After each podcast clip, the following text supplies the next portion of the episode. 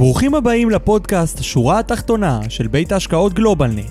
בכל שבוע נארח מומחים מעולם ההשקעות מישראל והעולם.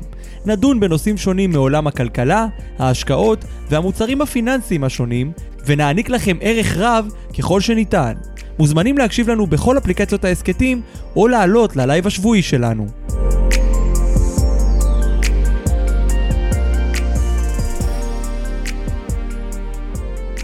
שלום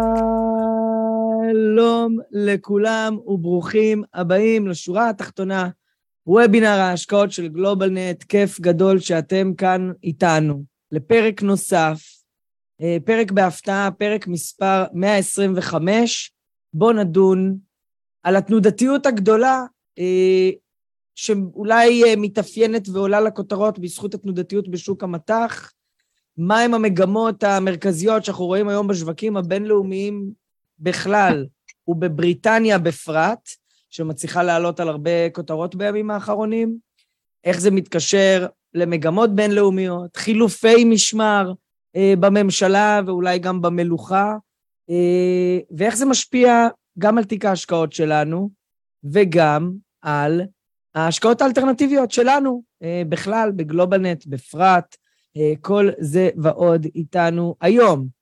אז אה, שלום לכולם, הנה דוקטור אה, ארי אחיאז כבר איתנו, שלום ארי. ערב טוב, אורי. ערב מצוין, מה שלומך? מצוין. טוב, אז רגע לפני כיפור, ולאחר מכן סוכות, וככה באמצע הפגרה, כי בעצם אנחנו בתקופת החגים לא עושים וובינארים, כל שנה, אבל כל שנה איכשהו אנחנו עושים וובינר בזמן החגים, כי תמיד יש איזה נושא שככה חייבים לדבר עליו. אה, והפעם אה, חשבנו שלא נעשה וובינר בחגים, ובאמת כבר תכננו את הוובינר של ה-24 באוקטובר. אה, יהיה לנו פה וובינר ב-31 לאוקטובר, ערב הבחירות, על ההבדלים בגישה הכלכלית של המפלגות הגדולות. אנחנו כבר בונים עונה מרתקת, שתהיה בעצם העונה השלישית של השורה התחתונה, אבל באמצע הפגרה, ולאור ביקוש מאוד מאוד גדול מהשטח, היינו חייבים לקרוא לארי ולעשות אה, קצת סדר.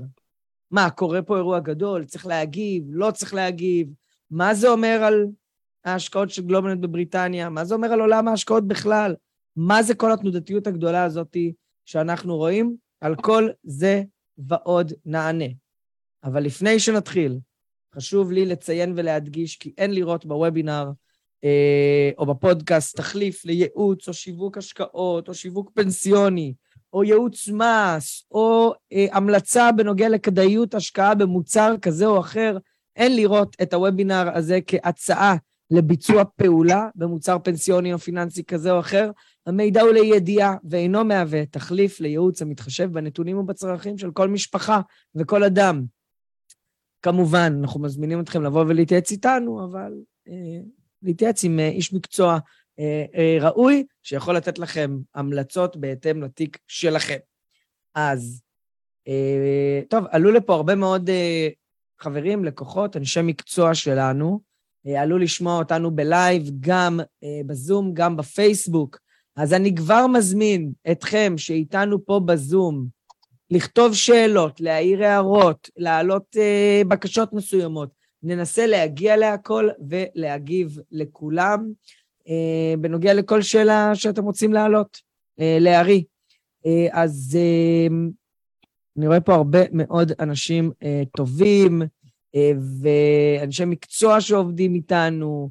אה, יש איתנו פה היום את אה, אשר גולדשטיין ובצלאל, דוד ברנשטיין, עמי, דורון ישראל, כיף גדול לראות אותך פה, וגם דוב צור, כיף גדול לראות אותך פה איתנו בוובינר, חיים, קובי, אה, לולה, אה, שטיין, אה, אני לא בטוח מי ממשפחת שטיין פה איתנו, אבל כיף גדול לראות אתכם פה. אה, יניב ואבי, אורי לב-ארי, כיף גדול לראות אותך פה איתנו, איילה אה, ברק, כמובן, ברק לזרוביץ', כיף גדול שצריך להתפנות אלינו הערב. אה, גיא, דוד, דן, אה, יהודה יצחק, אני רואה שיש לנו פה גם נציגים מחברת הגמל שמאזינים לנו היום. אה, מיכל, אה, משה, סוזי, אה, הרבה שמות גם שאני לא מכיר, אז ברוכים הבאים, שלום, נעים מאוד. גמר חתימה טובה עוד רגע, אבל עכשיו, ארי, תנודתיות, רעש, כותרות, משברים, מטבעות קורסים, מטבעות קופצים. מה קורה בשוק? Uh, קורה בשוק כמו שקורה בשוק, שהשוק נע למעלה למטה לצדדים, וצריכים קצת להבין את זה, להבין קצת מה הגורמים, uh, להסתכל על זה בצורה מפוקחת, ולהסתכל כמובן איך ההשפעות, uh, מה היה אפשר לעשות יותר טוב בעבר, וכמובן איך לעשות יותר נכון קדימה. זה הרעיון הכללי תמיד בעולם ההשקעות. אז ארי, מי שלא מכיר, דוקטור אריה חיאז גם מנהל אצלנו את בעצם מחלקת המוצרים, גם מרצה אה, לכלכלה אה, באוניברסיטת תל אביב. בתל אביב, בבר אילן, ברייכמן והונג קונג. אה, מרצה בנשמתו, אז כמובן כשאני באתי ואמרתי לו, ארי, יש המון שאלות על התנודתיות במטבעות, ארי הכין לנו קצת חומר מקצועי לעבור עליו, אני אנסה תוך כדי אה, אה, לדובב לעיתים, אבל אם יש משהו שלא ברור, תכתבו למטה בצ'אט, ב-Q&A, בואו נתחיל לרוץ. ארי, בגדול אנחנו רוצים להבין על מה כל הרעש, האם זה סתם כותרות כרגיל, או שבאמת יש כאן מגמות שהן יוצאות דופן? אז עוד פעם, יש הרבה כותרות, כן צריכים להבין את השורה התחתונה או את, ה, את החוט השני שעובר בכותרות האלו, אבל בסופו של דבר גם לא צריכים להתרגש יותר מדי, זה חלק מהדברים שאני הייתי שמח לבוא להציף היום וגם באמת אה, לשמוע גם מה אתם אומרים. עוד פעם, יש אנשים שהם פה יותר ותיקים בשוק ההון, פחות ותיקים בשוק ההון, מי שיותר ותיק בשוק ההון, כבר יצא לו לראות משברי מטבע, אפילו פה בארץ, שכחנו את זה, אבל אה, בואו ננסה לבוא ולראות איך אה, מתמודדים עם זה, כמובן בתיקי השקעות. אז קדימה, יש לך משהו לשתף? אתה משתף מסך? יאללה, מתחיל, רואים? יופי. טוב, אה, ערב טוב חברים וחברות, אה, אני רוצה לבוא ולספר לכם קצת על כיצד משפיעה תנודתיות אה, על השקעות אלטרנטיביות ולמעשה להתחיל את זה באופן נקודתי, להרחיב את זה ואז קצת לפתוח איזה סוג של דיון בנושא הזה. אז דבר ראשון, הנושא הספציפי שלשם כאן התכנסנו זה באמת חולשת הפאונד הבריטי, בסדר? זה ה-GBP, הוא המטבע העיקרי שעלה לכותרות, אבל נראה האם באמת הוא המטבע היחיד. קצת נדבר על הנושא הזה, אני רוצה לבוא ולדבר מעט בכלל על מטבעות בעולם, האם זה עניין של הפאונד בלבד או באופן כללי במטבעות, ובאמת מה ניתן לעשות כדי להגן בפני שינויי מטבע, ואפילו נעלה שאלה האם, האם בכלל צריכים לעשות את, ה, אה, את ההגנות האלה. טוב, אז כמובן, אה, אי אפשר להתחיל בלי התמונה שחלקכם ראו או שמעו את הכותרות, כמובן יש פה עניין מאוד מאוד חד של אה, ירידת הפאונד, פה אנחנו יכולים לבוא ולראות את הפאונד לעומת אה, אה, מספר מטבעות מתחילת השנה, אנחנו יכולים לבוא ולראות שמול הדולר הפאונד ירד ב-21 מול השקל ירד ב-10 ומול האירו ירד ב-6.4 כלומר יש חולשה כאשר אפשר לבוא ולראות שהחולשה הזו באופן אפילו חד יותר קורית בחודש, חודש וחצי האחרונים. בוא נקרא לזה, במיוחד ב... בוא נגיד מאמצע אוגוסט ועוד כמובן התנודה החדה של סוף השבוע הקודם שבאמת העלתה את הרצון לבוא ולספר קצת לכם על הפאונד הבריטי. אז באמת מה הסיבות לחולשת הפאונד? דבר ראשון, הכלכלה הבריטית הייתה חלשה, היא עוד לא הצליחה להחלים מהקורונה, הייתה אחת מהכלכלות שנפגעו הכי חזק מה-COVID, COVID-19, אפשר לבוא ולראות את זה, הם גם נפגעו מבחינה בריאותית וגם נפגעו מבחינה כלכלית בצורה חזקה, והם באמת לא החלימו מזה עדיין עוד מהתקופה הזו, בניגוד למספר כלכלות שכבר כן יצאו וכן היה אפשר לבוא ולראות את ההשתלשות הכלכלית חזקה יותר.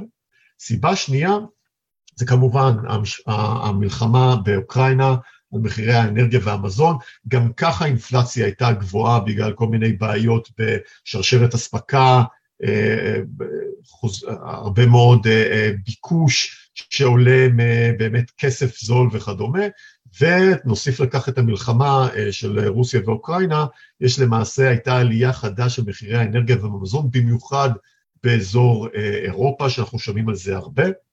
הדבר הזה כמובן מייצר עוד חולשה של הכלכלה, כאשר במקביל מה שלרוב עושים מבחינה מוניטרית, כלומר אותן פעולות של הבנק המרכזי, לרוב הבנק המרכזי נלחם באינפלציה על ידי העלאת מטבע, על העלאת הריבית, הריבית של הבנק המרכזי, ועל ידי כך למעשה מחזק את הרצון, אה, אה, מחזק את הרצון לחסוך יותר ופחות לצרוך, וזה למעשה מקרר את הביקושים, זה פחות או יותר ככה העקרונות הכלכליים, אבל הבנק המרכזי בבריטניה העלה את הריבית בקצב איטי יחסית אה, לבנקים מרכזיים אחרים, במיוחד... למרות שהוא התחיל ראשון.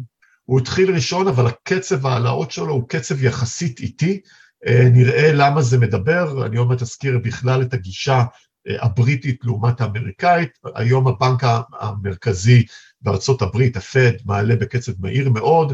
גם ראינו עכשיו, ממש לפני כשעה, שעה וחצי, בנק ישראל גם העלה את הריבית ב-0.75 אחוז, הקצב הרבה יותר מהיר במקומות אחרים מאשר הבנק המרכזי הבריטי, והדבר הזה גורם ליותר רצון לבוא ולהשקיע במטבעות הזרים מאשר על, על הפאונד הבריטי, כמו uh, שקוראים לזה אותה עסקת קרי בין המטבעות. אני לא אכנס לזה יותר מדי, אבל זה כן כמובן משפיע על חולשת הפאונד. דבר נוסף, וזה גם מתקשר, מתקשר לחולשת הכלכלה. S&P, חברת הדירוג S&P, לא מדד ה-S&P 500, חברת הדירוג S&P, שמדרגת חוב, חוב בכל מיני רמות של מדינות, של אגרות חוב קונצרניות וכדומה, החליטה לפני כשבוע להוריד את אופק הדירוג של כלכלת בריטניה. זה עדיין לא הורדת דירוג, זה עדיין לא הורדת דירוג חוב, אבל זה, זה סוג של אופק שלילי אה, לדירוג החוב של האגרות חוב הממשלתיות שם. הדבר הזה כמובן מעלה את החשש ושוב גורם לקצת יציאה של כסף מהחוב הממשלתי ושוב מחליש את הפאונד. סיבה חמישית, אי יציבות פוליטית. אני לא מדבר פה רק על, על המוות של המלכה אליזבת, למעשה בוריס ג'ונסון, אה, ראש הממשלה, אה, איבד אה, את ראשות הממשלה לפני בערך מספר חודשים, ונבחרה נבחרה ממשלה חדשה, ליסט טראס ממש לפני כחודש, חודש וחצי. הדבר הזה, אי יציבות פוליטית זה עוד גורם מאוד מאוד חזק שמוביל לחולשת המטבע המקומי. ו, ו, ו, אני חושב שהאירוע הדרמטי ביותר שקרה בשבוע שעבר, התחילה מדיניות כלכלית מרחיבה של הממשל החדש. יצא, אה, לקח לי הרבה מאוד זמן ללמוד את השם של שר האוצר הבריטי, קוואזי קוורטנג, אה, שר האוצר הבריטי אה, העביר איזה סוג של תקציב, או לפחות התחיל לדבר, כי התקציב עוד לא לגמרי עבר, תקציב, מה שנקרא mini budget, תקציב תקופה, תקופה קצרה, ביניים, שאמור לבוא ולייצר הרחבה לקראת המשבר שכבר באנגליה צופים. שזה בעצם הורדת המיסים, הוא רצה להוריד את המיסים. בדיוק, בדיוק. הוא החליט על הורדת המיסים, ההורדת מיסים ועוד כל מיני פעולות שאמורות לבוא ולייצר צמיחה. מעבר לזה שהתהליך שבה פורסם הדבר הזה נעשה בצורה כנראה לא מספיק אה, טובה, הם הודיעו על קיצוץ מיסים, אבל לא הסבירו מהיכן יגיע, הגר... מהיכן הממשל יסגור את הגירעון הזה, למעשה כי ברגע שנכנסות פחות הכנסות לקופת המדינה, וההוצאות אפילו אולי גדלות, למעשה נוצר יותר אה, פער בגירעון, אה, והדבר, הגירעון גדל, ולמעשה יש פה סכנה, נקרא לזה, אה, כמו כל גוף, ברגע שנמצא יותר במינוס, אז למעשה דירוג האשראי שלו והיכולת שלו להחזיר קטנה, ואז יש סוג של בריחה מסוימת של משקיעים מהפאונד או מהרבה מאוד דברים שקשורים לכלכלה הבריטית. אז מה, למה הדבר הזה באמת לדעתי הוא הדבר החמור ביותר? כי במקביל הבנק המרכזי מעלה ריביות, הוא מעלה ריביות, כלומר יש מדיניות מיניטרית שאמורה לרס... הוא ב... מנסה לקרר את השוק. בדיוק, מנסה לרסן, מנסה אז לרסן. אז הנה, אז יצחק לוי כותב פעולות מוניטריות סותרות. בדיוק, יש פה, יש, יש פער בין המדיניות הפיסקלית שזה המדיניות של הממשל, לעומת המדיניות המוניטרית של הבנק המרכזי. הדבר הזה ייצר איזה סוג של ספירלה, ממש ביום-יומיים אה, אה, הייתה, אה, קפצו אגרות חוב, העשר שנים באנגליה קפצו מרמות של שלוש וחצי אחוז שנתי ל-4.3 אחוז שנתי. הדבר הזה ייצר חששות בקרב קרנות הפנסיה, שמחזיקות הרבה אגרות חוב לטווחים ארוכים, ואז מה שקרה, יחד עם באמת ירידה בפוצי, שזה המדד העיקרי בבריטניה, הבנק המרכזי פתאום נלחץ, והוא הבין שהוא צריך לבוא ולהגן על קרנות הפנסיה וחלק מהבנקים, ומה שהוא עשה, הוא יצא בתוכנית לרכישה חוזרת של אגרות חוב בהיקף של 65 מיליארד פאונד. אז עוד פעם, זה לא איזה דבר חדש, בשנתיים, אפילו אפשר לבוא ולהגיד, מ-2008, הבנק המרכזי בארצות הברית, הפד, רוכש ברמות של טריליונים אגרות חוב ממשלתיות, גם הבנק המרכזי בארץ, אה, אה, בנק ישראל, רכש גם ב-2020, הוא רכש אגרות חוב ממשלתיות כדי להוריד קצת את התשואה שלהם. כלומר, הבנקים המרכזיים כל הזמן עוקבים אחרי זה.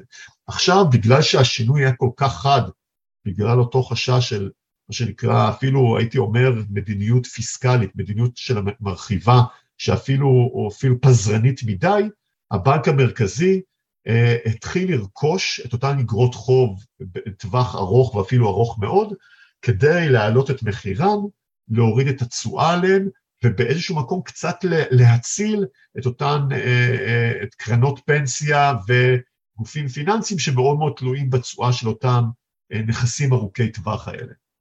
אז מה שקרה, יש פה הרבה מאוד מסרים סותרים של הבנק המרכזי, גם מצד אחד להעלות ריבית ולרסן את הכלכלה, ומצד שני, לקנות אגרות חוב זה שוב מכניס כסף לכלכלה, אז יש פה מדיניות סותרת.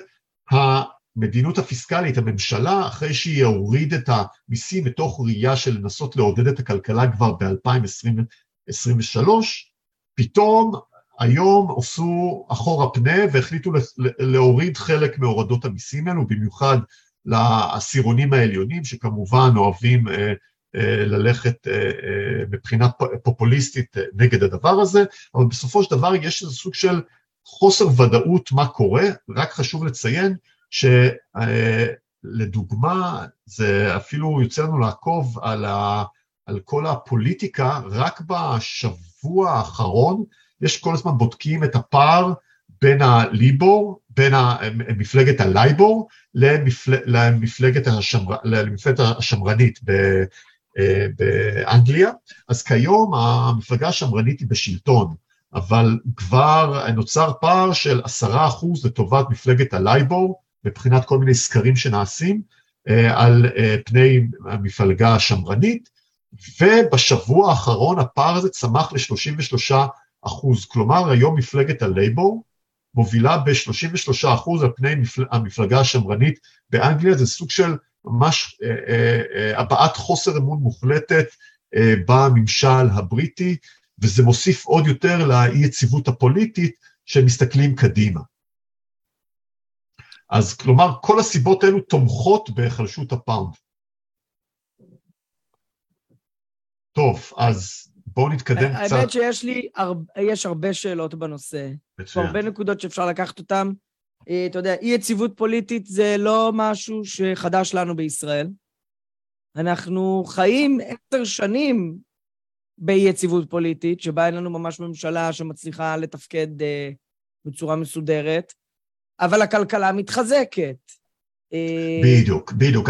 יש פה סוג של, באנגלית קוראים לזה perfect storm, יש למעשה הרבה מאוד גורמים שהשפיעו ואפילו השפיעו והתחזקו בחודש האחרון, שכאילו מחלישים את הכלכלה הבריטית, מצד שני נראה שזה, כמו שאורן מציין, זה חלק גדול מהדברים האלה, אפשר לבוא ולהגיד אותם על הרבה מאוד מדינות אחרות, וגם באמת נראה האם החולשת הפאונד היא איזה סוג של משהו ספציפי או משהו יותר סיסטמטי, משהו יותר רחב.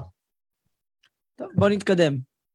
טוב, אז קצת פה, יש פה סקר ש, אה, שעושה אה, משרד האוצר הבריטי, שהוא לוקח את תחזיות כל הבנקים ובתי ההשקעות הגדולים שפועלים אה, בבריטניה, ומה שאנחנו רואים פה זה מה, איך, כיצד השתנה התחזיות בסקר של אותם כלכלנים, וכל אותם, זה 23 גופים הכי גדולים בבריטניה, סיטי בנק, קרדיט סוויס, נומורה היפני וכן הלאה וכן הלאה. מה קרה במהלך השנה? אז אם אנחנו רואים שבתחילת השנה, בפברואר, ציפיות האינפלציה לרבעון הרביעי היו רק 2 אחוז, צפוי שהכלכלה תצמח בחמישה וחצי אחוז, שהגירעון הממשלתי, ה-public sector net, net balance יהיה 140 מיליארד וכדומה, וגם ה-unemployment יהיה חמישה וחצי, ראו במהלך השנה שלמעשה האינפלציה הרבה הרבה יותר גבוהה ממה שצריך, אבל הצמיחה הולכת להיות חלשה, ולמעשה כשאנחנו מגיעים לסקר האחרון שנעשה לפני כשבוע, צפי האינפלציה באמת לרבעון האחרון זו להמשיך להיות ברמה גבוהה של עשרה אחוזים, הצמיחה יורדת לכמעט שלושה וחצי אחוזים אה, אה, ברמת השנה,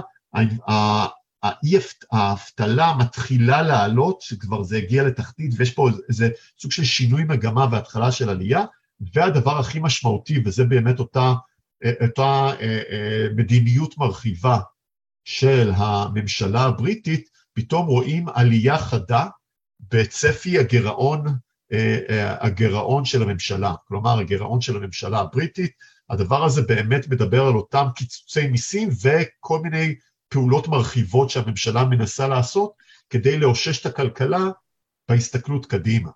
זה התחזיות ל-2022, מה שדווקא יותר דרמטי זה מה קורה ב-2023. ב-2023, אם בתחילת השנה עוד צפו שתהיה צמיחה של 2%, הצמיחה עכשיו המוערכת משנת 2023 היא פחות מחצי אחוז, אפילו שואף ל-0.2 אחוז. זה למעשה, אמור להוריד את האינפלציה במקום מסוים, בדיוק. לא? בדיוק. כן, זה, זה אמור להוריד את האינפלציה, ובאמת הציפיות, או פעם האינפלציה, בשנת 2023 צפו שהיא תהיה 2.5 אחוז, עלה גם הצפי לאינפלציה אה, בבריטניה, למרות שכמובן 4 אחוז, הצפי אינפלציה זה הרבה יותר נמוך מה... מה-10, 11, 12 אחוז שהיום נמצאת בשנת 2022. כלומר זה כן אינפלציה נמוכה יותר, אבל התחזיות הכלכלנים רואים ירידה בצמיחה והתחזיות מתחילות להראות שכן הולך להיות אינפלציה מעבר לנורמה או לפחות לרמה המועדפת של בין 1 ל-3 אחוזים, וכלומר אנחנו נמצאים במקום שלא יקרא לזה סטיקפלציה, אבל כן יש פה חששות לגבי הכלכלה לשנת 2023, ואני חושב שזה כבר, זה כבר, זה החולשת מטבע היא התוצאה של באמת התחזיות האלה, התחזיות השליליות, כמובן שכפי שאמרתי, הדבר היותר דרמטי זה, ה, אה, אה, זה הגירעון שצפוי לעלות בצורה משמעותית, וגם האבטלה שצפויה לעלות, אבל עדיין, גם שהיא תעלה, שימו לב, הצפי אה, לאבטלה ברבעון הרביעי של שנת 2023, גם אז מדובר על 4-4.5 אחוזים, גם זה לא רמה מאוד מאוד גבוהה של שיעור אבטלה. צריכים תמיד לזכור את זה בראייה ארוכת טווח זה לא רמה מאוד מאוד גבוהה. האם, אה, תראה, אנחנו באים ואנחנו אומרים, אוקיי, יש איזושהי מדיניות שכל העולם כרגע שותף לה, של לקרר את השוק, של להעלות את הריבית, של להרגיע את הצמיחה אה, ואת המחירים, בטח לאור אירועים אה, כמו המלחמה שעדיין מתקיימת ואולי אפילו מתעצמת בצורות מסוימות באירופה. האם המדיניות המוניטרית של uh, uh, הממשלה, שהיא לא, אפילו לא ממשלה חדשה, כי זו אותה מפלגה בשלטון, האם היא כן. הזויה לחלוטין, או שיכול להיות שיש גם יתרונות בהורדת שווי המטבע? אז אני, אני כבר אגיע ל, ליתרונות בהורדת שווי המטבע, צריכים לבוא ולזכור שכל המדינות מהלכות על חבל דק, בסדר? אה, אה, אנגליה החליטה ללכת אה, שמאלה על החבל הדק הזה, והרבה מאוד מדינות החליטו ללכת ימינה על החבל הדק הזה. ארצות הברית מהלכת על חבל דק כבר משנת 2008, בסדר? שהם החליטו לבוא ולהכניס, לשפוך הרבה מאוד כסף, תזרים. הם למעשה, בדיוק, הם למעשה, הם ייצרו את האינפלציה של שנת 2021 ו-2022, זה אותו כסף שנשפך במשך 12-13 שנים לשוק. אה, הכלכלה או הממשלה הבריטית באה ואומרת, טוב, אינפלציה, כאשר מעלים ריביות, הדבר הזה כן יכול לקרר את, האינפלציה, אבל העלאת ריביות בעיקר מקררת אה, אה, אינפלציה שנובעת מביקושים. כלומר, ברגע שהריביות גבוהות יותר, אנשים שנמצאים במינוס, המינוס שלהם מתייקר ולכן הם יכולים לצרוך פחות, ולאנשים שיש פלוס, פתאום ההשקעה הסולידית הופכת להיות יותר אטרקטיבית וגם, עוד, וגם להם יש סיבה פחות לצרוך. כלומר, העלאת ריבית לרוב מקררת, מקררת את אינפלציית הביקושים, אבל, וככה כנראה הלך המחשבה של הממשלה הבריטית ואפילו הבנק המרכזי, הם באים וחושבים שחלק גדול מהאינפלציה שנובעה ב-2022 נבע גם מהמלחמה באוקראינה שתיגמר, ספק תיגמר מתישהו, ואז זה גם אולי יוריד את מחירי האנרגיה, וחלק גדול באופן כללי מאינפלציית, מאינפלציית ההיצע, מאינפלציה של סחורות, שפה העלאת ריבית לא ממש ברור כיצד משפיעה. אז הם אומרים, טוב, אין, אני לא רוצה לקרר יותר מדי את הכלכלה, כי אז אני יכול לבוא וליפול, מה שנקרא, קוראים לזה hard landing. hard landing, כלומר הבנק, הבנק המרכזי והממשלה רוצים לקרר את הכלכלה כדי להוריד את האינפלציה, אבל הדבר הזה עשוי להוביל למיתון, ואפילו מיתון מתמשך.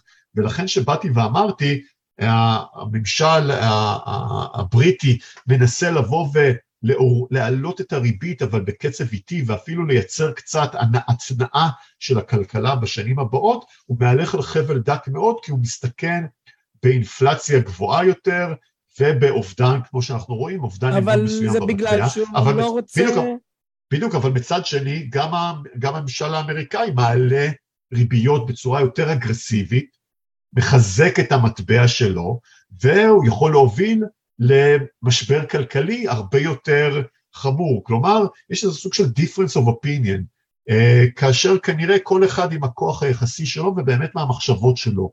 אבל צריכים באמת להסתכל, אה, הרבה מאוד מהמדינות פועלות ב, אה, באזורים שהם עדיין לא יודעים איך לפעול בהם, נראה מי יצדק בהמשך, כנראה שארצות הברית בשלב מסוים טיפה תקרר את קצב העלות הריבית, ויכול להיות שהממשל הבריטי גם קצת יחזק את, ה, את, את רמת הניציות שלו כלפי האינפלציה.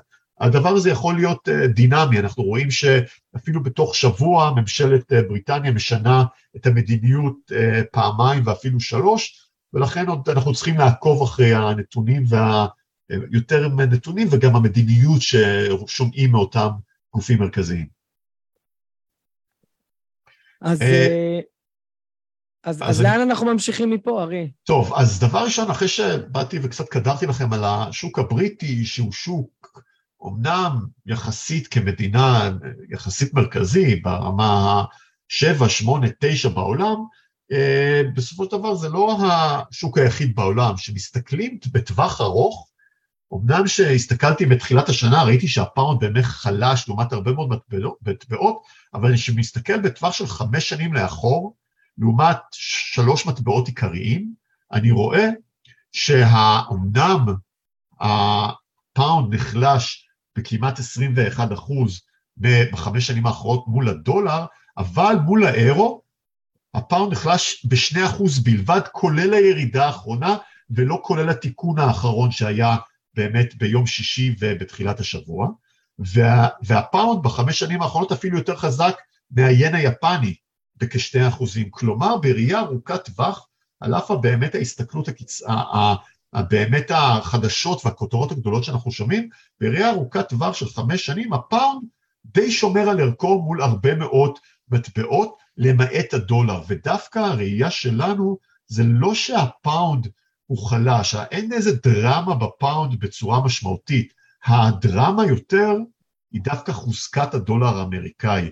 בשנה וחצי האחרונות הדולר האמריקאי התחזק בכ-20-25 אחוז, וזה באמת יותר דרמטי, הרבה יותר מחולשת הפאונד, זה יותר חוזקת הדולר. אנחנו, בלי לשים לב, הדולר התחזק מול השקל בכ-15 אחוז בטווח של חצי שנה, בסדר? בלי לשים לב, ולא מדברים על זה עוד פעם, כי עוד פעם, אפילו, יש... אפילו פחות, באמצע אוגוסט, זאת אומרת, לפני חודשיים, פחות, חודש וחצי, שער הדולר היה 3.24. נכון, אז זה כלומר, זה כמעט, זה עשרה אחוז בערך ב, אה, בחודש חודש. וחצי. כן. כן, זה, זה ה, ה, השקל נחלש לעומת הדולר. כלומר, יש פה הרבה מאוד, הדולר האמריקאי חזק מאוד. למה הוא חזק מאוד? יש פה כמה סיבות. סיבה ראשונה זה ה-flight to safety, uh, עדיין התגובה הפבלובית, התגובה האוטומטית של משקיעים זה ברגע שיש משבר, זה לרוץ חזרה לדולר, לדולר אה, ולהרבה מאוד אה, השקעות נוספות, אה, או לשוק האמריקאי, או לפחות לעזוב את המטבעות האחרות, זה דבר אחד. דבר נוסף שהוא דווקא, נקרא לזה יותר משמעותי, והיה אפשר לראות את זה בכמה משברים האחרונים, אני מדבר איתכם על המשבר של 2008-2009, על המשבר של, ה, של 2000, 2001 ו-2002, אה, יש לארצות הברית משהו שאין לאירופה. ארצות הברית, יש בנק מרכזי שהוא שולט בצורה רמה מאוד בכל המדינות. למעשה, הכלכלה האמריקאית והמדינות המדינות בתוך הברית הן מדינות מאוד הומוגניות, כלומר הן יחסית מתנהגות דומה אחד לשנייה. יש כמובן פערים וכדומה, אבל יחסית הן מתנהגות דומה, ואז זה מאפשר לבנק הפדרלי בארצות הברית לשלוט בריביות, בכמות הכסף, בצורה הרבה יותר, ש... בצורה הרבה יותר גמישה שמתאימה לכלכלה. באירופה המצב הוא בלגן אחד גדול. למה? כי יש בתוך אירופה הרבה מאוד מדינות שבהן המצב הכלכלי הוא סביר, בעיקר גרמניה, שגם שם יש את הבעיות, אבל יחסית לאירופה המצב שם סביר, ויש מדינות ששם הבעיות הן יותר קשות, כמו באיטליה, אה, באיטליה היא כמובן היה את יוון, אנגליה עכשיו, יש הרבה מאוד מדינות ששם יש בעיות אחרות. שם הבנק האירופאי צריך להתנהל בין הרבה מאוד מדינות שיש להן תמריצים אחרים. אין לו שליטה כמו לארצות הברית. אין לו שליטה. אין לו שליטה, הוא הרבה מאוד הטרוגניות בין המדינות. יש מדינות שרוצות להוריד, להחליש את, ה, אה, להחליש את המטבע או להעלות ריביות, ואין אין, אין הסכמה, בסדר? אין הסכמה, כנראה זה אחת מהסיבות שבאמת אנגליה רצתה לעשות את הברקזיט כדי באמת לצאת מאיזה סוג של הסכם כלכלי בעיקר, שלא תמיד היטיב עם הכלכלה הבריטית. אני, אני רק רוצה לעצור ולומר, כי יש הרבה שאלות uh, בנוגע להשפעה על ההשקעות האלטרנטיביות. אנחנו נגיע לזה, uh, כמובן, אנחנו עדיין פה בסקירה של השוק השכיר, ופה, ארי, אני, אני כן רוצה לעצור ולשאול, כי אנחנו מדברים על היחזקות הדולר, ואנחנו מדברים על היחלשות הפאונד, ואנחנו מדברים על התחזקות על שקל, או פתאום על היחלשות השקל בכלל. והיחלשות האירו, גם היחלשות האירו, גם היחלשות האירו מול הדולר. יש פה המון תנודתיות. Uh, אתה יודע, שער הפאונד נפל, אבל קפץ חזרה. אומרת, הוא ירד מ-4.1 ל-3.75 וקפץ חזרה ל-4.05. זאת תנודתיות, ולא רק בפאונד. בשוק המטח, שאנחנו לא מכירים, אולי אנחנו מכירים יותר משוק המניות. עכשיו, זה גם מתחבר לתנודתיות באגרות החוב היום. מה, מה, מה, מה הסיפור פה? זה משהו חדש? למעשה, אז זה לא חדש, תמיד התקופה, תנודתיות היא דבר מדבק. ברגע שיש תנודתיות בשוק מסוים, זה לרוב השווקים שקשורים אליו נדבקים בו. ברגע שיש בנכסים מסוימים, הנכסים הקרובים אליו מתחילים. יש פה תנודתיות גלובלית, בסדר? אנחנו רואים מה קורה בשווקי המניות, אפילו עוד יותר חמור מכך, בשווקי האג"ח השנה, אנחנו ראינו מה קרה לאגרות חוב ממשלתיות, ירדו אפילו יותר בחלק משווקי המניות, לפחות עד, ה, עד החודש האחרון. כלומר, יש תנודתיות כללית. המטבעות נדבקים באותה רמת תנודתיות. הדבר הזה הוא תוצאה של עצבנות, הוא תוצאה של אי-ודאות, הוא תוצאה של אה, תנודות כסף מאוד מאוד חדות, וגם הרבה מאוד גופים מתוחכמים, אינטרסנטים, שמנסים לבוא ולהרוויח מתקופות התנודות, מהתנודתיות האלה. זה, זה קורה תמיד שיש תנודות חדות. אז אה, בואו כן ננסה לקחת את זה בכל מקרה בשלב הזה לעולם שלנו, כי אני יודע שהרבה מאוד עלו כאן לוובינר של גלובלנט כדי להבין מה זה אומר על ההשקעות האלטרנטיביות שלנו? כי בסופו של דבר, ולא ניכנס רגע לפרטים, למרות שאולי אחרי זה כן, נדון באסטרטגיה לדיור נצמח, אסטרטגיית הבריאות, ננסה אולי לזכור באופן כללי, אבל בכלל, השקעות אלטרנטיביות אמורות להגן עלינו מתנודתיות. האם זה נכון בתנודתיות של מניות ואגרות חוב כמו שזה נכון בתנודתיות של מטח, או שהסיפור שונה?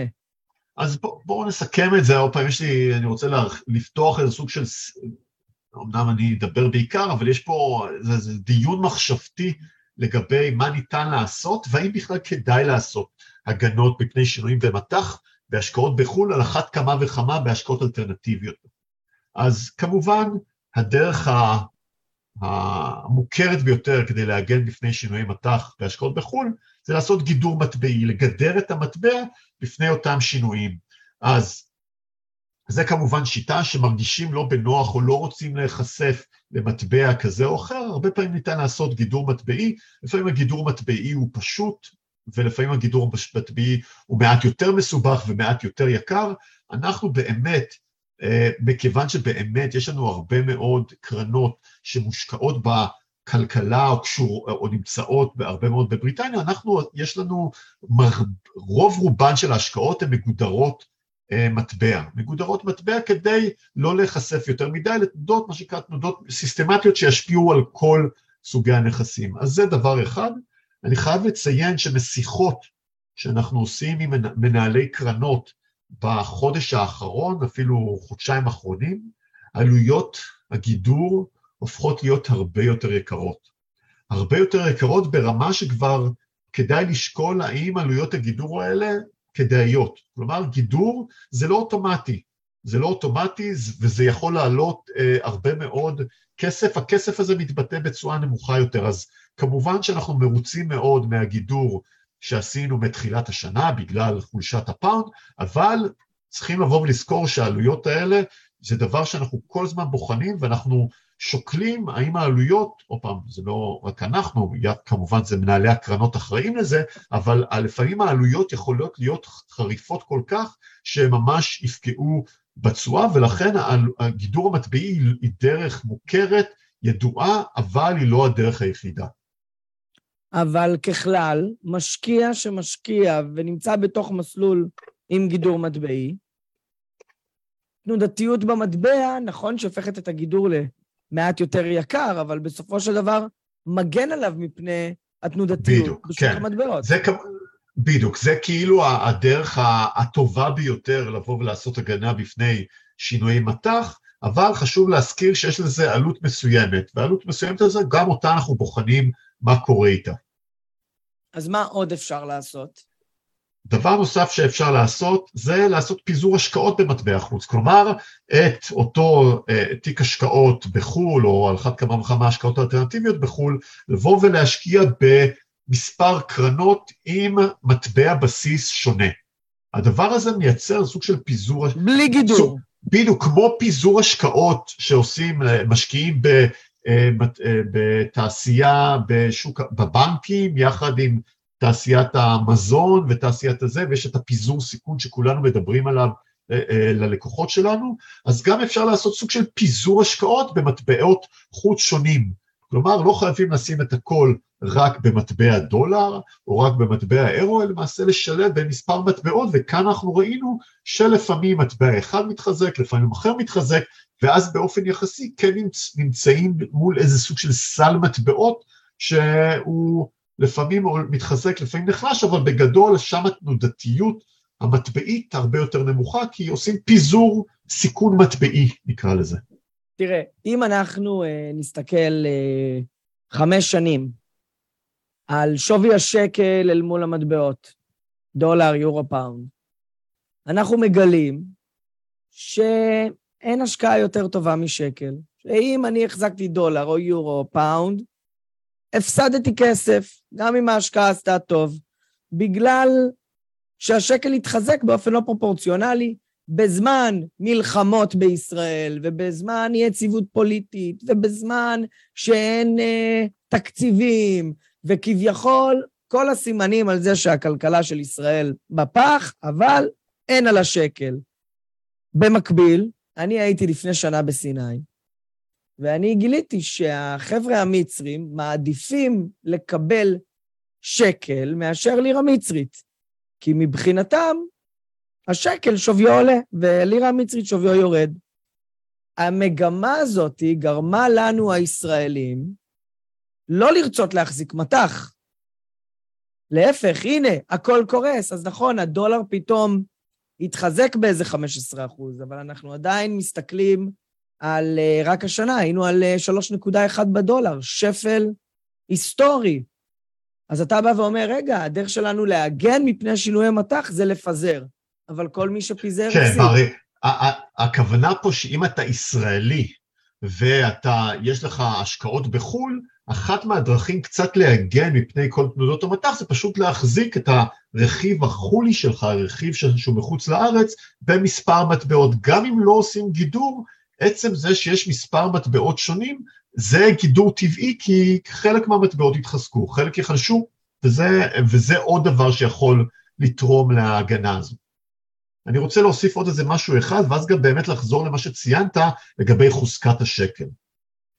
אז דרך נוספת לעשות את ההגנה הזו זה להשקיע בסקטורים שהם יותר יציבים, ולא רק שהם יציבים בפני השינויים מטח, הם אפילו עשויים ליהנות מכך. הדוגמה הבולטת ביותר זה להשקיע ביצואנים. שמשקיעים ביצואנים ויש, והמטבע נחלש, היצואן הולך להרוויח יותר. למה? כי בהנחה שזה יצואן יצרני כלשהו, אז ב, כאשר המטבע נחלש, אז באופן יחסי עלויות הייצור וכוח האדם של היצואן הזה, לדוגמה היצואן הבריטי, אה, אה, יורדות, אבל אותו יצואן מוכר בשווקים בחו"ל, ששם המטבע חזק יותר, ואז גם ההכנסות שלו גדולות. כלומר, הפער, הרווחיות שלו, של היצואנים בעת החוש, המטבע המקומי נחלש, דווקא מתחזקת, ולכן צריכים גם לבוא ולהסתכל במי משקיעים, כלומר, הרבה מאוד יצואנים יכולים לבוא ודווקא להרוויח וליהנות מחולשת הפאונד, אם מסתכלים כרגע על זה, אבל באופן כללי מחולשת מטבע. אז זה אפיק השקעות שצריכים לבוא ולשקול בחולשת מטבע, זה דבר שמגן טבעית מעצם הפעילות שנהנית מחולשת המטבע. דבר נוסף, אפיקי צמודי מדד. אה, ברגע שהמטבע נחלש, אם חושבים על זה, הדבר הזה מעודד אינפלציה. למה? כי את ה... מעבר לזה שזה פוגע בגירעון, אה, בגירעון המסחרי וכן הלאה וכן הלאה, אה, יש פה אה, עניין שברגע שהמטבע הזר הוא יקר יותר ומייבאים מוצרים מחו"ל, אז למעשה העלות של המוצרים המיובאים יחסית לפעם... יקרה יותר. בדיוק, יקרה יותר, ואז הדבר הזה מאיץ את, כתב, את קצב האינפלציה, דבר שעלול להוביל לאינפלציה, אבל אם אתם משקיעים בדברים צמודי מדד, יש פה איזה סוג של הגנה טבעית בחולשת המטבע נוספת.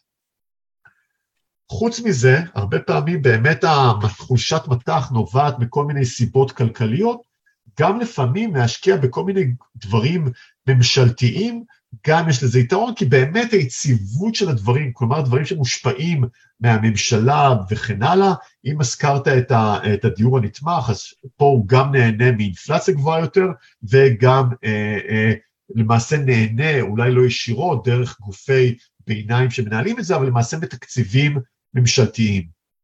והתקציבים הממשלתיים לא נפגעים או נפגעים בשוליים במידה ויש ממש משבר, למרות שאנחנו עדיין לא רואים את זה, שיש ממש משבר גדול. אני, אני כן רוצה לגעת בנקודה הזאת, כי אני יודע שהרבה משקיעים ואנשי מקצוע עלו היום לוובינר כדי לשמוע על הדיור הנתמך. אה, בעצם אנחנו מדברים פה על השקעה שגם יש לה את המרכיב צמוד מדד. שהיא גם אה, נתמכת על ידי תקציבים ממשלתיים, ואם הם אה, מושקעים בשקל, הם גם מש... מושקעים ב... עם גידור מטבעי. מה שאומר שבעצם בתנודתיות הזאת, שאולי משפיעה מאוד על מחירי האג"ח אה, הציבוריים בבריטניה, אין השפעה משמעותית, ולא צפויה להיות השפעה משמעותית על ההשקעות בדיור נתמך. אז אה, עוד פעם, כפי שאני רואה שיצחק לוי שואל, אלה סקטורים צמודי הדד, אז פה מה שאורן ציין, לדוגמה, החוזי שכירות של הדיור הנתמך, חלקם הגדול צמוד במלואו לשינוי במדד. אז כמובן יש פה, צריכים לבוא ולמצוא את זה, אה, יש סקטורים שנהנים יותר מעליית מדד, יש סקטורים שנפגעים יותר מעליית מדד, אה, אפשר לבוא ולפתוח דיון שלם רק על זה, אני רק רוצה, מה שנקרא, לעטוף, אחרי שראינו לרוב איך מגינים בפני שינויי מטח, אני בכלל רוצה להעלות טענה או, או שאלה, האם צריך להגן בפני שינויי מטח בתיקי השקעות, על אחת כמה וכמה שמדובר בהשקעות אלטרנטיביות. אז זו השאלה שאני רוצה להעלות, ואני רוצה להעלות גם למחשבה וגם אולי לדיון בהמשך. אני רוצה להעלות סיבות שאולי לא צריך לעשות את ההגנה בפני המטח. אז פה אה, בוא, בוא נעשה משהו כזה. צופים, אני מזמין אתכם בצ'אט וב-Q&A, האם לדעתכם נכון להחזיק השקעות במטח?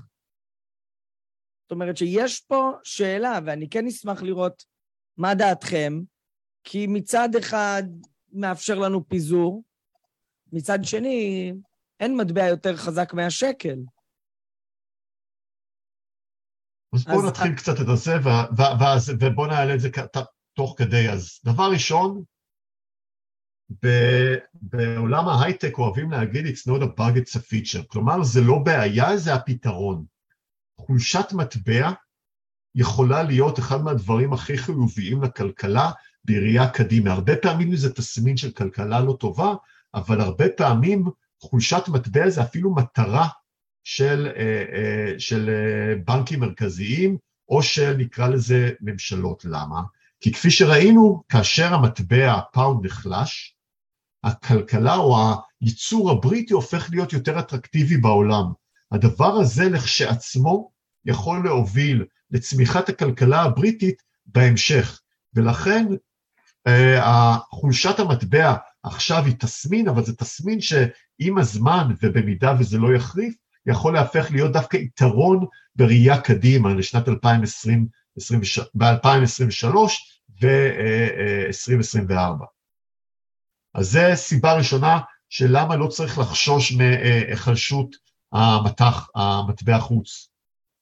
סיבה שנייה, וזה אורן התחיל להעלות את זה, אה, לוותיקים יותר מאיתנו, אה, שמסתכל בערך 20 שנה אחורה, 20 או 20, 20 שנה וחצי לאחור, אה, השקל לא תמיד היה חזק ולא תמיד יהיה חזק. והיום, אם תסתכלו על התיקי ההשקעות שלכם או על תיקי ההשקעות של הלקוחות שלכם, יש חשיפה כמעט מוחלטת לשקל, חשיפה מאוד מאוד גבוהה למטבע הזה. אז זה נכון שב-20 שנה האחרונות זה היה הדבר המאוד מאוד נכון לעשות, או בבד, אבל צריכים להשקיע לא לתקופות של, כמובן אנחנו לא משקיעים בדיעבד, אנחנו משקיעים קדימה. אם השקל יהיה תמיד חזק קדימה, אורן ציין את, ה, את השקל שה, שאנשים בסיני אה, אוהבים לקחת. אה, צריכים לזכור שחוזי שכירות לפני 16 ו-17 שנים בארץ, חלקם הגדול עדיין היה, עדיין היה צמוד לדולר. למה? כי המשכירי דירות לא סמכו על השקל בתמור מטבע לקבל אותו, ורצו לקבל בדולרים.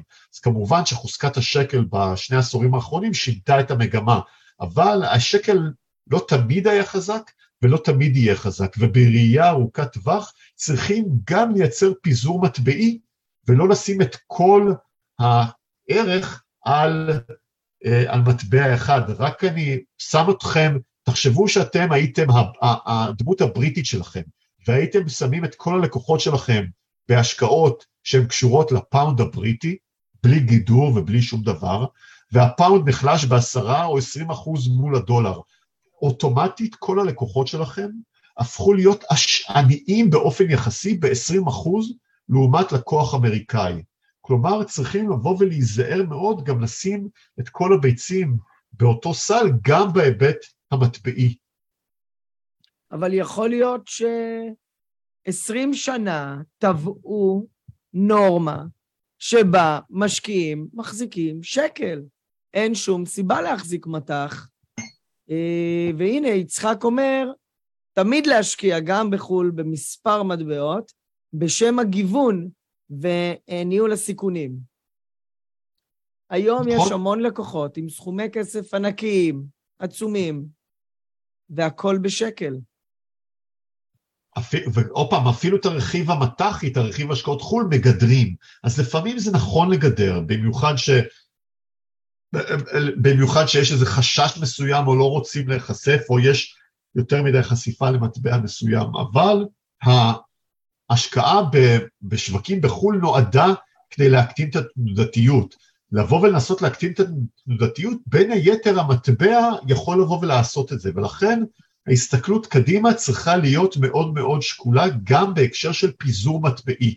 ואנחנו באמת בהשקעות קדימה, מעבר לכך שאנחנו מכ- מכניסים הרבה מאוד השקעות חדשות במטבעות שונים, אה, גם גופים שמשקיעים בעצמם בהרבה מאוד מטבעות, אבל גם דברים שקשורים יותר לאירו, דברים שקשורים לדולר, או למטבעות יותר, אפילו יותר, נקרא לזה, מיוחדים. המטרה זה באמת לקבל סוג של חשיפה וראייה יותר גלובלית, וחלק מהדברים קדימה לא בהכרח יגודרו, במיוחד אם יהיה פיזור השקעות מספיק טוב. ת- שאלה נוספת. אה, אנחנו גם מתקרבים לסוף הזמן שלנו, ואם יש שאלות כבר, אני מזמין אתכם למטה בצ'אט, ב-Q&A, אה, לשאול ולהעיר הערות, אבל אני רוצה לשאול אותך שאלה. אנחנו מבינים שהשקעות אלטרנטיביות, המטרה שלהן זה להקטין תנודתיות, קודם כל, כי הן לא שכירות. אבל אנחנו רואים בשנה האחרונה, ולא רק בשנה האחרונה, בשנים האחרונות, אני חושב באופן יותר מואץ מאז משבר הקורונה, תנודתיות עצומה. זה התחיל במניות ובנדלן, שטיפסו בקצבים לא הגיוניים אחרי שבמרץ הם קרסו. זה המשיך בקריסה של אגרות החוב, ועכשיו אנחנו רואים תנודתיות עצומה במטבעות. אנחנו רואים את השוק השכיר שהוא מתנהג בצורה מאוד uh, אגרסיבית, למעלה ולמטה, ולפעמים זה נראה כאילו מטבעות המטח שלנו הם בעצם מטבעות קריפטוגרפיים. מה זה התנודתיות הזאת? היא כאן להישאר? זה, מה זה? זה העולם החדש, ככה הוא נראה? השוק נע בגלים. יש עליות ויש ירידות, יש גאות ויש שפל, ויש תקופות שבשפל כולם לחוצים, כמו שהאמרה הידועה אומר ש, של וורן באפט אומרת שהמים יורדים בשפל, אז רואים מי שחה בלי בגד ים. צריכים לבוא ולנהל את הסיכונים נכון במהלך כל התקופות. אז כמו שאנחנו לא מתרגשים מאיזה שינוי כזה או אחר, עוקבים, עוקבים, רואים את כל הכותרות, נכנסים לעומק, מדברים עם כל מנהלי הקרנות, אבל עדיין לא מתרגשים שינוי כזה או אחר, ותמיד מסתכלים קדימה. ההסתכלות היא ארוכת טווח, על אחת כמה וכמה שמדברים בהשקעות אלטרנטיביות. בהסתכלות ארוכת הטווח, וזה כאילו הנקודה האחרונה, ויחד עם מה שציינת מקודם, בטווח הארוך יש איזה סוג של איזון מסוים. גם אם יש עכשיו כותרות קטסטרופליות לגבי הפאונד, ראינו שבחמש שנים האחרונות, יחסית למטבעות, לא הדולר האחרים, הפאונד הוא די פחות או יותר בפער, הוא די דומה לשאר המטבעות האחרים. אי אפשר לבוא, ומאוד מאוד קשה, מסתכלים על המטח, המטח בכללותו הרבה פעמים זה שוק שנע בטווחים הקצרים בתנודתיות מאוד מאוד גבוהה, בטווחים הארוכים המגמה היא קצת יותר אה, אה, רגועה. אז הבעיה היא, זה בטווח הקצר שמוסיפים את התנודתיות של המטח על התנודתיות של נכסי הבסיס, שזה המניות ואגרות החוב, עלולים לקבל משהו חמור יותר. גם על, הש... על בדיוק, האם השקעות... על כותרות ותקשורת וחדשות וכתבות ומה קרה הבוקר ומה קרה בערב. בדיוק, אז האם המטח, עוד פעם, כפי שהראיתי, יש דרכים לבוא ולנסות להוריד קצת את התנודתיות המטחית בראייה הכוללת של התיק. האם זה מעלים לחלוטין את התנודתיות? התשובה היא לא, אי אפשר אף פעם לה, לה, לה, להוריד את כל התנודתיות באופן זה, אבל לא חייבים להוסיף את התנודתיות גם של השוק השכיר, יחד עם התנודתיות של המטבעות, שהדבר הזה יכול להוסיף תנודתיות על גבי תנודתיות, שמעלה אתגר נוסף. כלומר, בהקשר הזה של השקעות אלטרנטיביות, שלהן לרוב התנודתיות נמוכה יותר, התנודתיות הזו היא לא מתווספת בהכרח על התנודתיות של המטח, ובראייה הכוללת עדיין יש פה איזה סוג של הגנה בהגנה או סוג של קורלציה נמוכה ביחס לשאר ההשקעות בתיק. אז הנה, אז, אז עדי קורן שואלת שאלה שקצת מסכמת את הוובינר שלנו, ואני חושב, עדי, שהשאלה הזאת היא מצוינת למי שלא הבין, ואולי לא הצליח לעקוב. לפני חודש-חודשיים היה וובינר להשקעה אלטרנטיבית באנגליה. מה התועלת בהשקעה לא תנודתית אם ההשקעה קרסה ב-20%?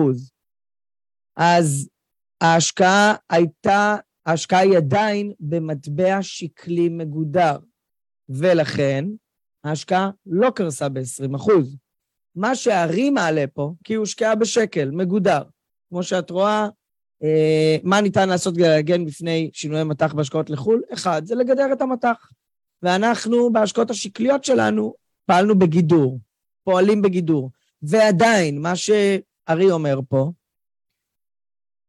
כשאנחנו מסתכלים לטווח של חמש שנים, ואנחנו לצורך העניין משקיעים בפאונד, אנחנו לא צריכים להסתכל על שינויי המטח היומיים, כי בכל מקרה אנחנו בטווח ארוך.